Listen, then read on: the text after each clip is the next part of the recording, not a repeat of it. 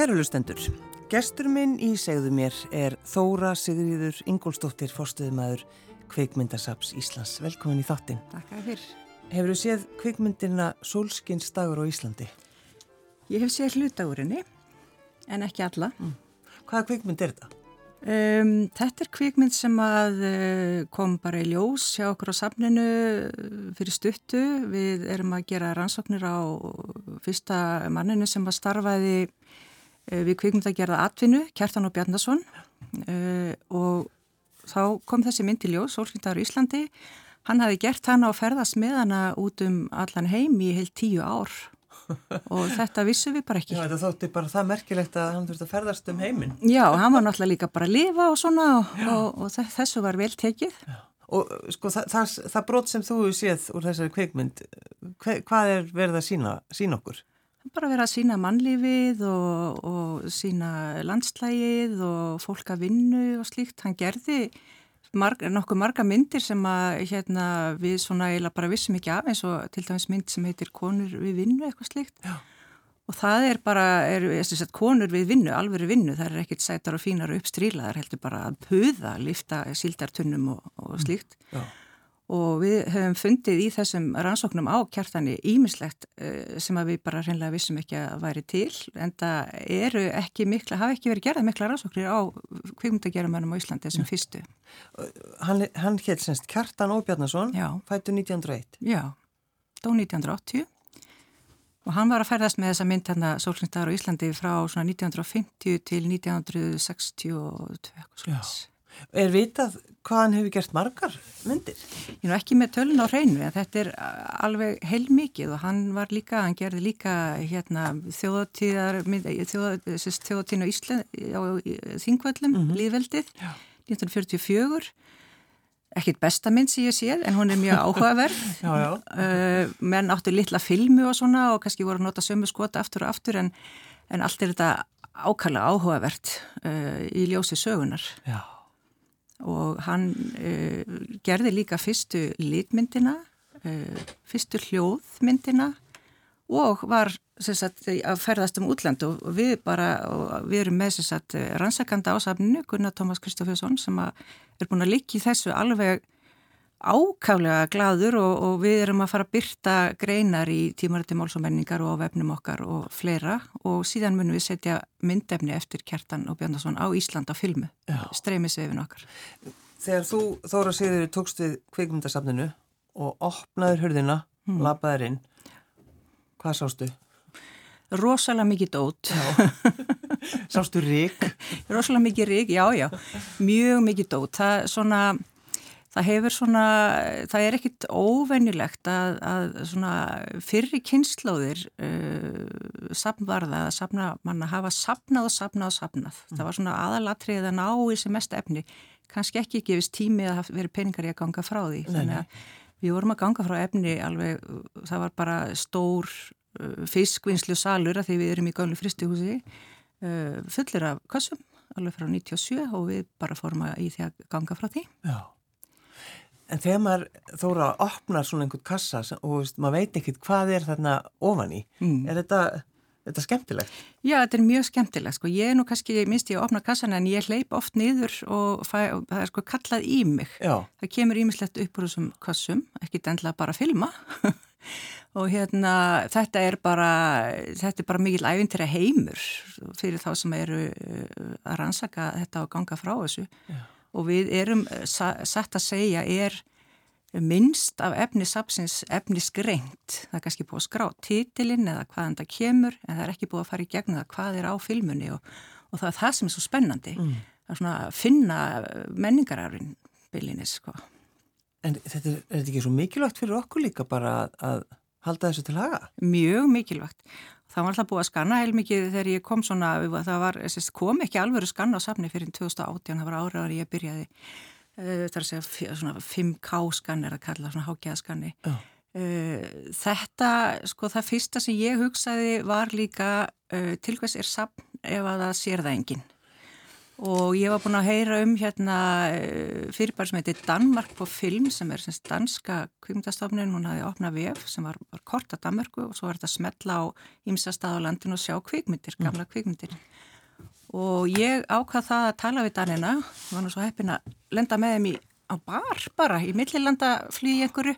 Ekkert sniður og heldur að hitta Dani á bar. Já, svo bara hérna, töluðu við saman og þeir ákvaðu það á þessum tíma sem við vorum aðna að lefa okkur að koma inn í sitt umhverfi, sko, þetta, þetta verkefni er að var mörg hundur miljón króna dæmi, en við fengum að koma bara inn í það sem svona tilhörnaverkefni mm.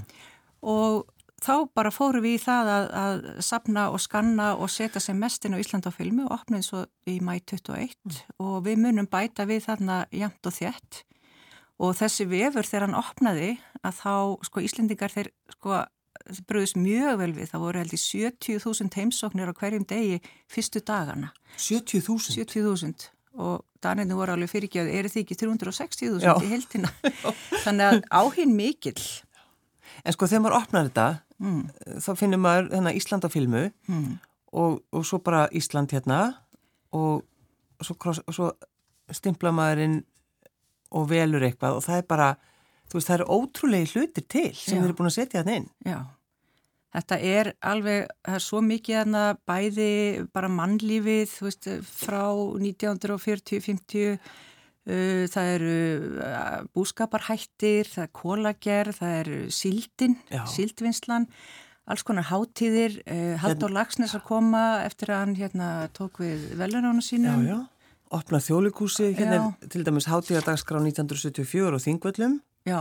Veist, þetta er alveg, þetta er náttúrulega alveg frábært að geta opnað þetta. Þetta er algjör fjársögur. Hérna er Jón Stefansson Málari á Þingvöllum 1965. Já, já. Þetta er alveg, þetta er þýliku fjársjóður og það er hægt að fara inn á kortu að velja staði, það er hægt að slá inn uh, hérna nöfna þemu og menn sko, ég held að vestfyrringar hafa átt metið í að skoða sína staði, maður sá sko hvað á landinu menn var að skoða. Hvað, vestfyrring? Já, það var bara það var bara alveg ótrúlegt hvað menn voru að skoða sko, sitt eða sitt, sína heimabegð ja. og það er reyndar hérna, mjög skiljalegt og virkilega skemmtilegt og menn hafa síðan verið að senda inn fyrirspurnir eigiði meira frá Vestmann eigum eða eigiði meira frá Rauvarhöfn þannig að við erum svona að taka inn uh, beðinir Já. og svo setjum við þetta inn í svona bunkum kannski tvísvara ári mm. þannig að og það er svona eftir því sem að uh, stafaðingunni vindur fram þá bætu við við og við reynum að kynna það eins og við getum og eh, Kjartan og Bjarnason til dæmis mun kom mikið eftir hann núna uh, í haust. Já, þannig að þið eru að fókusera á hann núna. Já, það fengum styrkla rannsaka fyrstu kvimdagermennina, þannig að það er hann og svo verður Vikfu Sigurðsson og svo Ósvaldur Knúðsen. Já, einmitt. Hérna til dæmis Melgreysið flutt heim. Já. Vestu skaftafisíslu og þetta er bara, þú veist, innan við mínútu, en það er sama, þetta er bara...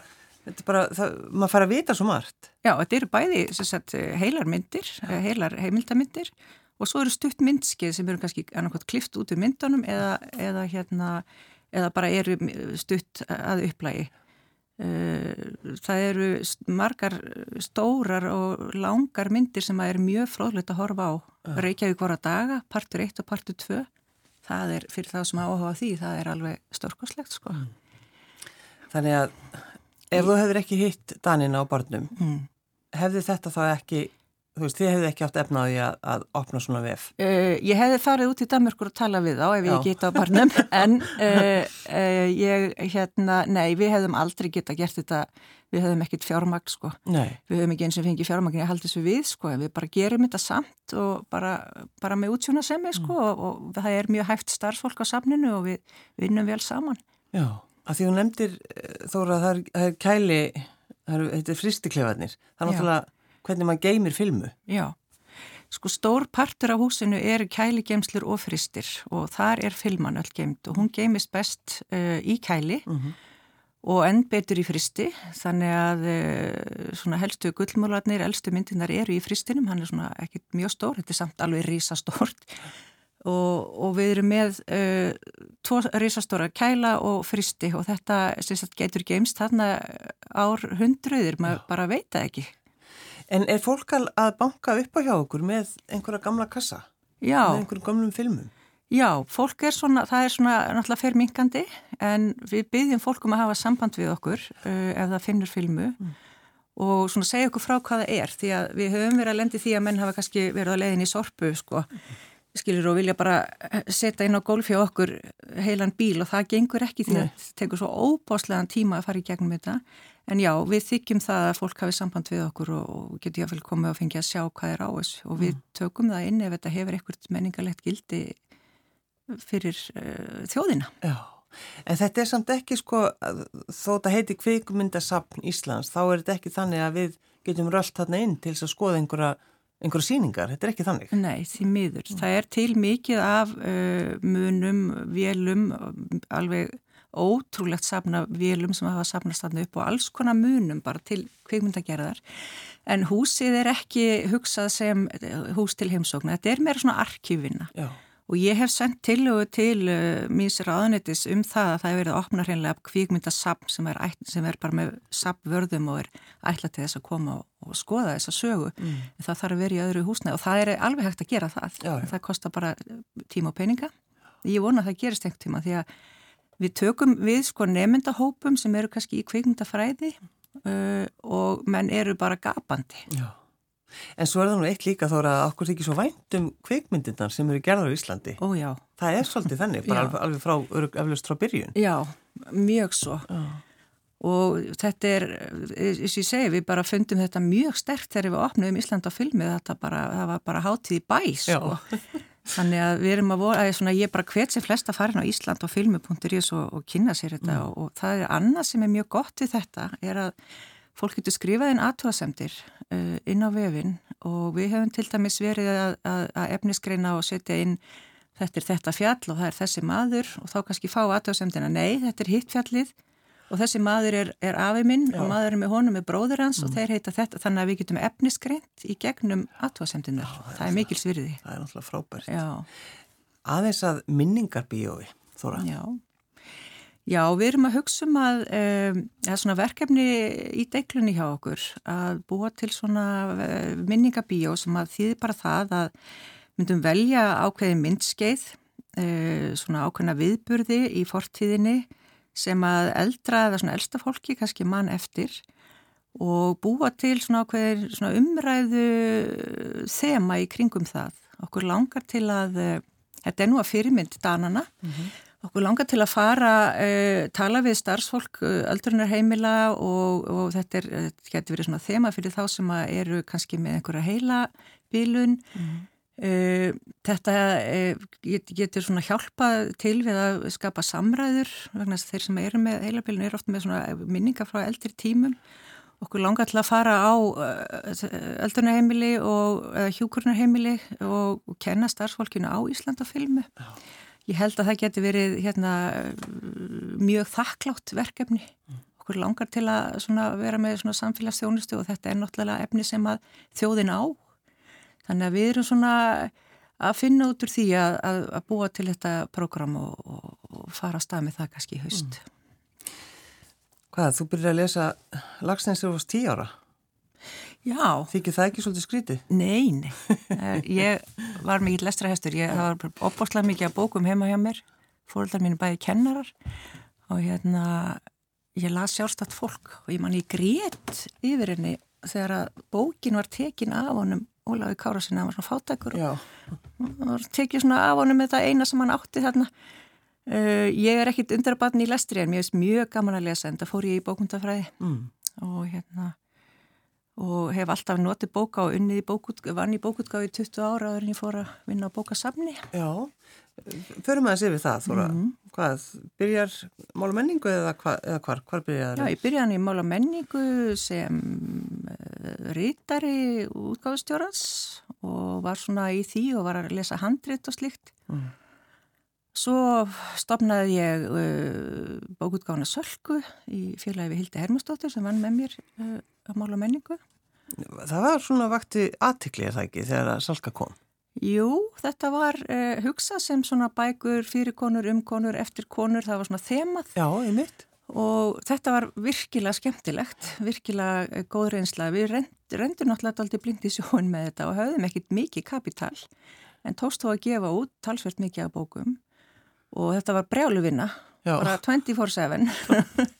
Þá ekkert neginn hættir þetta að vera svona eitthvað romantíst einhvern veginn. Já, já. svolítið hætti svolítið og, og svo hérna náttúrulega unnu við svona frekar launalaust sko. Já. En þetta var mjög lært á síku tími og góðu tími en ég fór út úr þessu eh, eftir svona rúmlega tvö ár og, og, og hildur held áfram og held að salka sín og eða til. Já, já. Einmitt tvær stelpur sem að reka, reka sölgu. Já, ég þannig vel að bara heimsa. Þú þarfst að kíkja á þér. En, en fannstu þá hvað var gaman að, að velja handrit, lesa þau Já. og gefa út? Já, sko bókutgáfa, ég man að Jóhann Pál sem að ég vann fyrir síðar, hann sko, hann sagði að þetta væri fíkn. Já. Að hérna, ef þú byrjar í bókutgáfa þá er þetta að þú verður svo heldtekinn af ferlinu að hérna, þetta er svona eins og að ganga með batt sko að reytstýra bók og svo kemur hún út og, og þetta er svona og, og, og svona spenna og svo verður svona spennu fall aftur og aftur og aftur mm. uh, en þetta er svo mikið vinna maður að vinna raunverulega uh, til tíu á kvöldin svona allavega fyrir uh, jólabókavertiðina og svona þannig að þetta getur verið svolítið líjandi en maður heitir svo margt skemmtilegt fólk og ég egnaðist eh, hérna, mjög goða vinkunni, hún Víkti Skrims vann með mér hérna á forlæginu og við erum mjög goðar vinkunir í dag, mikil svirði og maður heitir bara svo marga sko. Mm. En ég ákvaði eftir hérna, átt ára starf þar held ég að, að, að fara annað og þá fór ég að vinna á hljóðbókasafn Íslands sem hétt á Blindrabókasafn Íslands. Já. Tóku því 2007.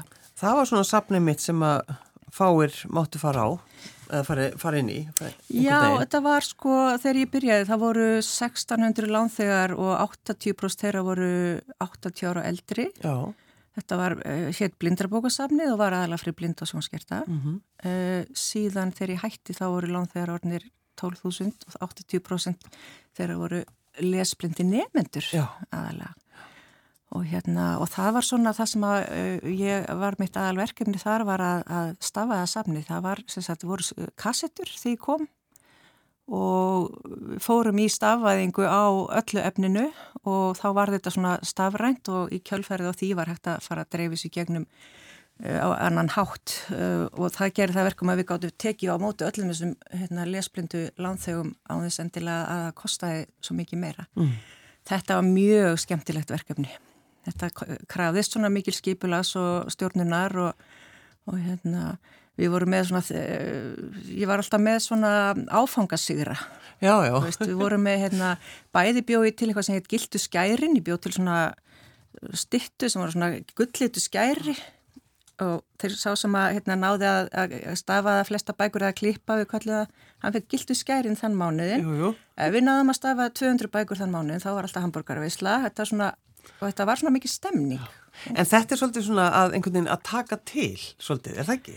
Þú veist, einhvern veginn að finna svo þegar maður er búin að gera þetta allt saman hvað það er ánægilegt. Jú, það, það breytir rosalega miklu að, hérna, að fara úr analóg í digital, sko. Já. Það er hérna hlýrandir í staðrænt. Jú, jú. Og þetta var mjög þakklátt og það var annað sem að mér fast, það var mjög gefandi að vinna á, á hljóðbókusamnu. Ég, hérna, ég hugsaði alltaf um uh, hag uh, lánþegana. Það, það var, var pínu stríð svona stundum við útgefendur og aðra hljóðboka útgefendur.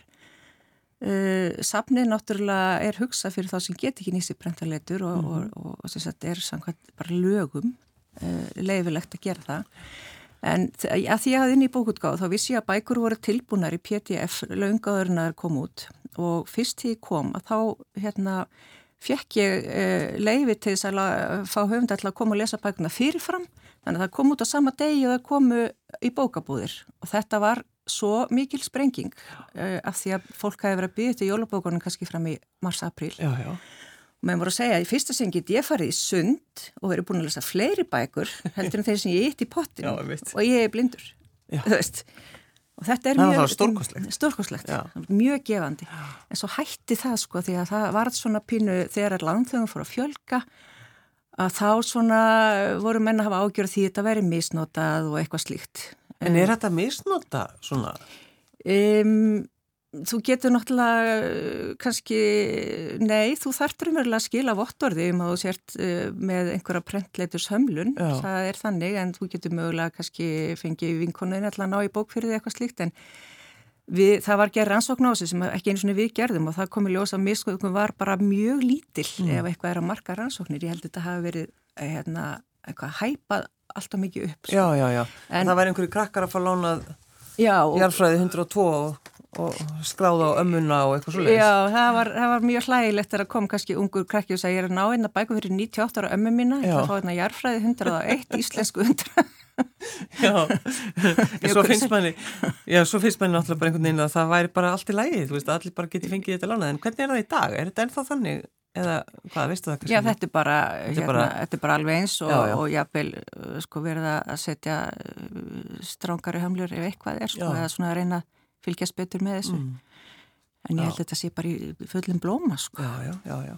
En þegar þú varst að vinna hjá JPVaf, þá var þetta, sko, að, að hitta höfunda, fylgja höfundin sem komu heimsækja Ísland og svona. Já, mitt hlutverk var, uh, ég var réttstjóri en ég var líka svo sem að skipulaði heimsóknir höfunda fór og tók á mótum út af flugvöld og fylgdi þeim í allar áriðanir allir viðtöl og, og slíkt. Mm. Það var virkilega skemmtilegt. Þetta er svona tímabil í lífinu sem er hvað eftirminnilegast og hefur svona gefið mér hvað flestar sögur. Já.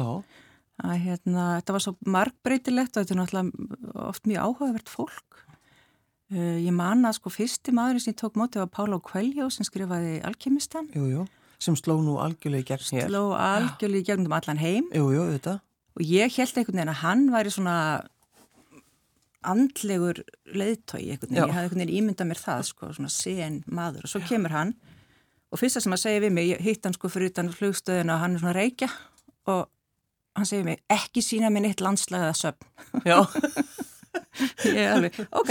Já, loka þau augunum ekki hálfa skrítna umhverfið kringum flugvellin Svo fóru við og hérna hann gist á Hotel Holti og var að árita og hann eh, var með svona kröfur, svona svona rockstjörnur þið vitið 50 svört hangklæði og eitthvað já, já. en eitt af því var hérna, hann vildi hafa lífverði þegar hann var að árita og okkur fannst þetta hlægilegt en auðvitað eru þessi menn að fara í multimiljóna lönd og mm. maður veit ekki hvað gerist en hann, hann Egil Jóhansson hann gerði þannig bara ganni sínu að hann réð tvo svakalega svakalega veðabund til að standa sikkur með við hann í málamenningu þegar hann var árita Já. og röði náði alveg niður lögavegin en Pálo var sjálfur alveg bara, þetta var nú kannski óþarfi sko, en okkur fannst þetta fyndi. Já, já, já, já, fórverði, við náttúrulega skiljum ekki svona. Nei, við skiljum ekki svona. Sem betur fer. En það var alveg ótrúlega, það var alveg, hann er greinilega sko þekktur á Íslandi að röðin náði alveg niður lögveginn. Já. Og þetta er í fyrsta sinn sem ég, eða fyrsta á einaskipti sem ég uppliði það að uh, þegar við komum nýra á Hotelborg þá var, voru ykkur svona uppstrílaðar konur hérna á barnum að reyna að ná sambandi við hann. Eða þú veist, uh, svona ykkur, ykkur, ykkur aðdáendur. Svona, ég hef aldrei upplegað þetta áður með rítöfunda og allra síst á Íslandi. Nei. En, hérna, en hann, var, hann var skemmtilegur uh, en hann var svona alls ekki þessi típa sem ég held að Nei, væri. Já, þú bjóst við að hann myndi svíf einn því að eins og með hann, hvernig hann skrifar. Með spakmæli á já þá var hann bara með alls konar skemmtilega kröfur. en svo hérna var mjög eftirmiðlegt að koma inn að stúlka sem að heitir Mende.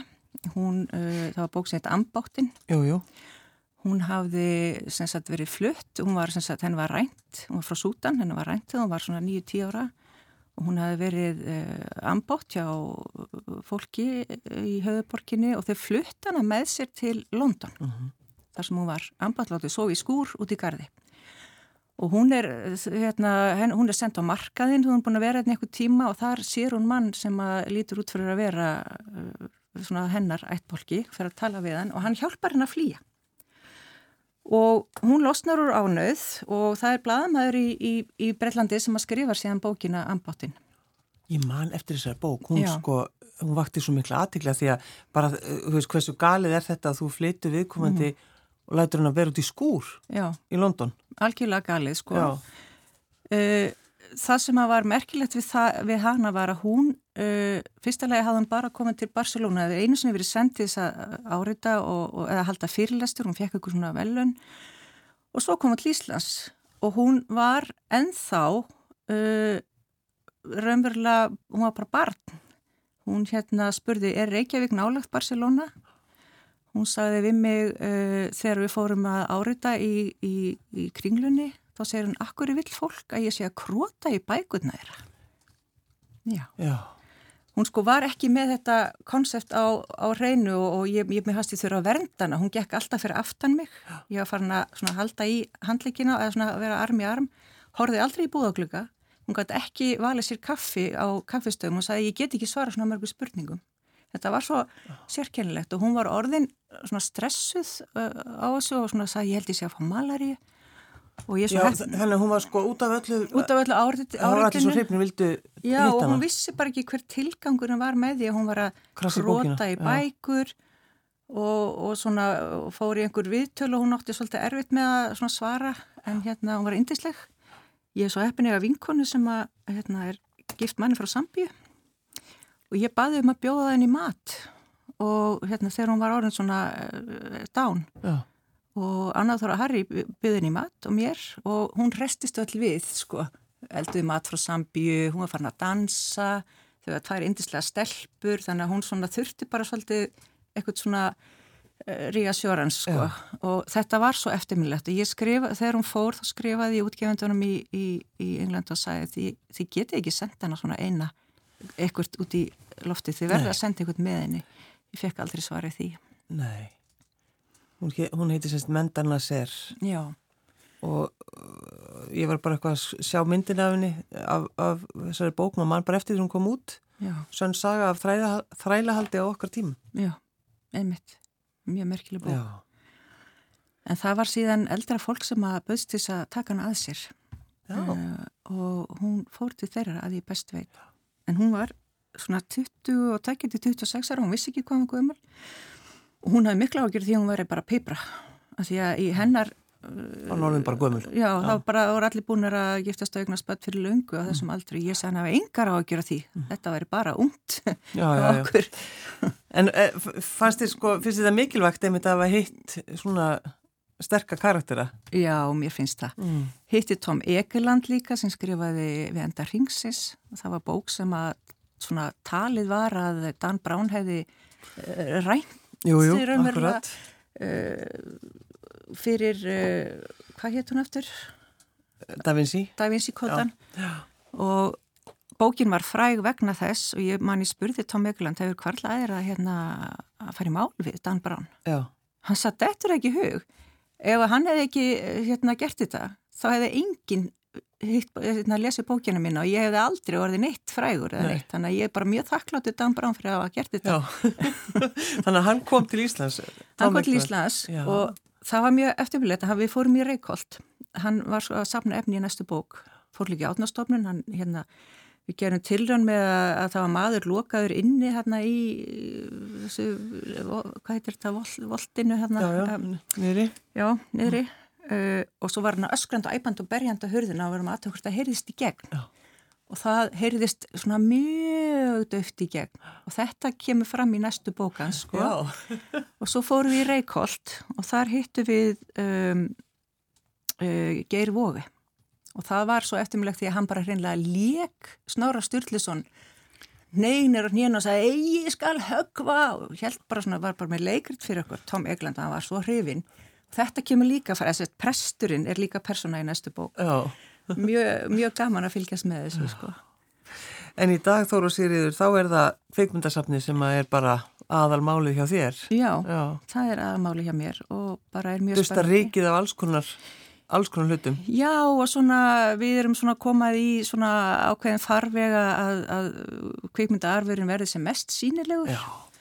Og það er náttúrulega Ísland og film eins og við töljum um áðan og þessar rannsóknir sem eru kannski best tilfallnar að, að skipulega fara í gegnum sapkostin mm.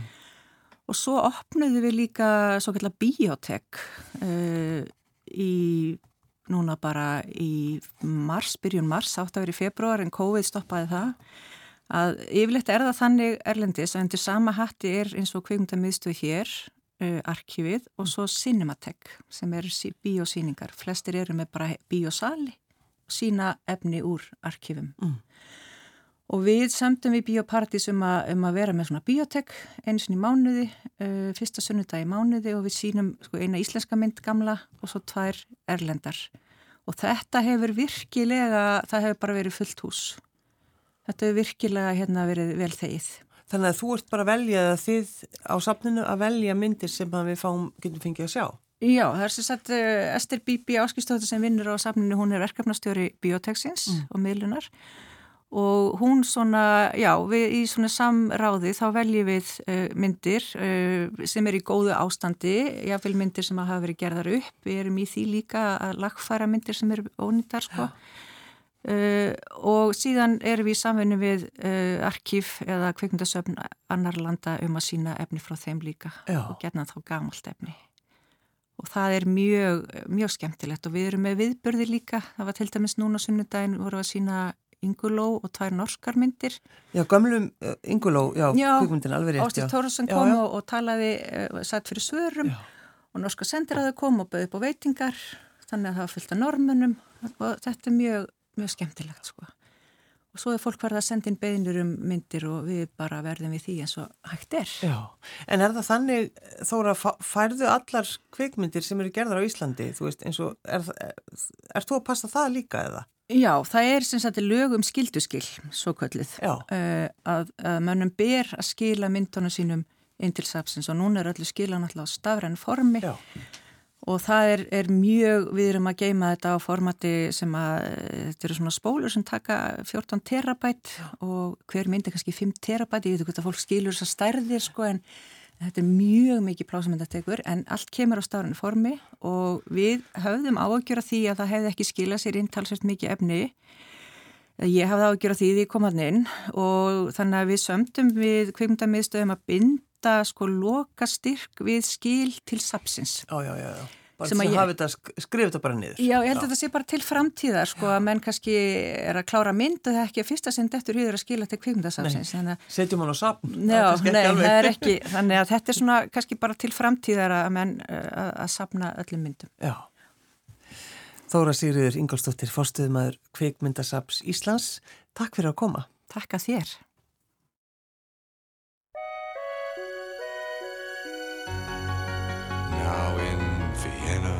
There's ten pretty women. There's a shoulder where death comes to cry. There's a lobby with 900 windows. There's a tree where the doves go to die. There's a piece that was torn from the morning, and it hangs in the gallery of frost. Aye, Take this waltz, take this waltz, take this waltz with a clamp on its jaws.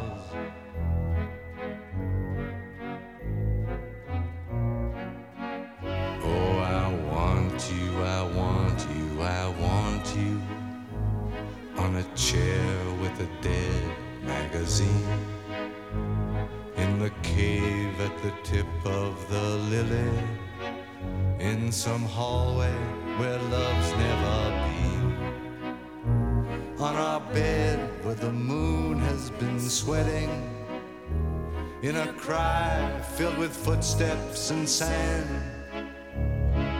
I, I, I, I, take this waltz, take this waltz take its broken waste in your hand.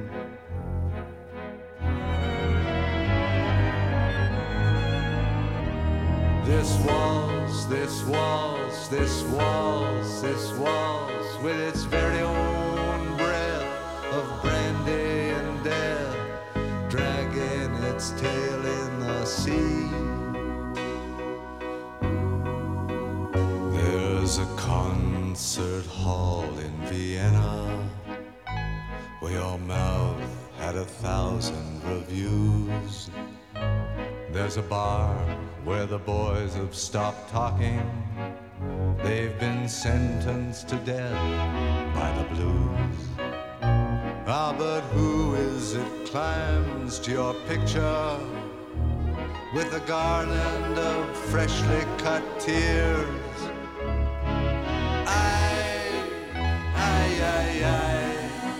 Take this waltz, take this waltz, take this waltz, it's been dying for years.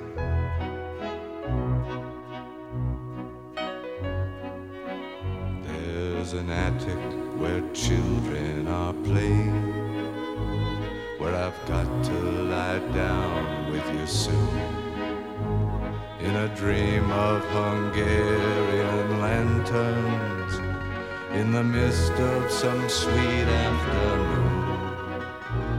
And I'll see what you've chained to your sorrow, all your sheep and your lilies of snow. Aye, aye, aye, aye. Take this waltz, take this waltz. With its I'll never forget you, you know.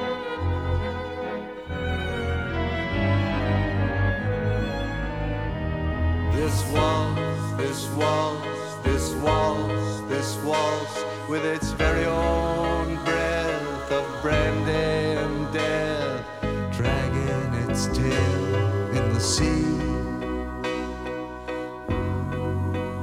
And I'll dance with you in Vienna.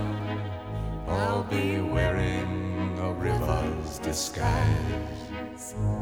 The hyacinth wild on my shoulder, my mouth on the dew of your thighs, and I'll bury my soul in a scrapbook with the photographs there and the moths. And I'll yield to the flood of your beauty, my cheap violin and my cross. And you'll carry me down on your dancing to the pools that you lift on your wrists. Oh, my love, oh, my love, take this waltz, take this waltz. It's yours now, it's all that there is.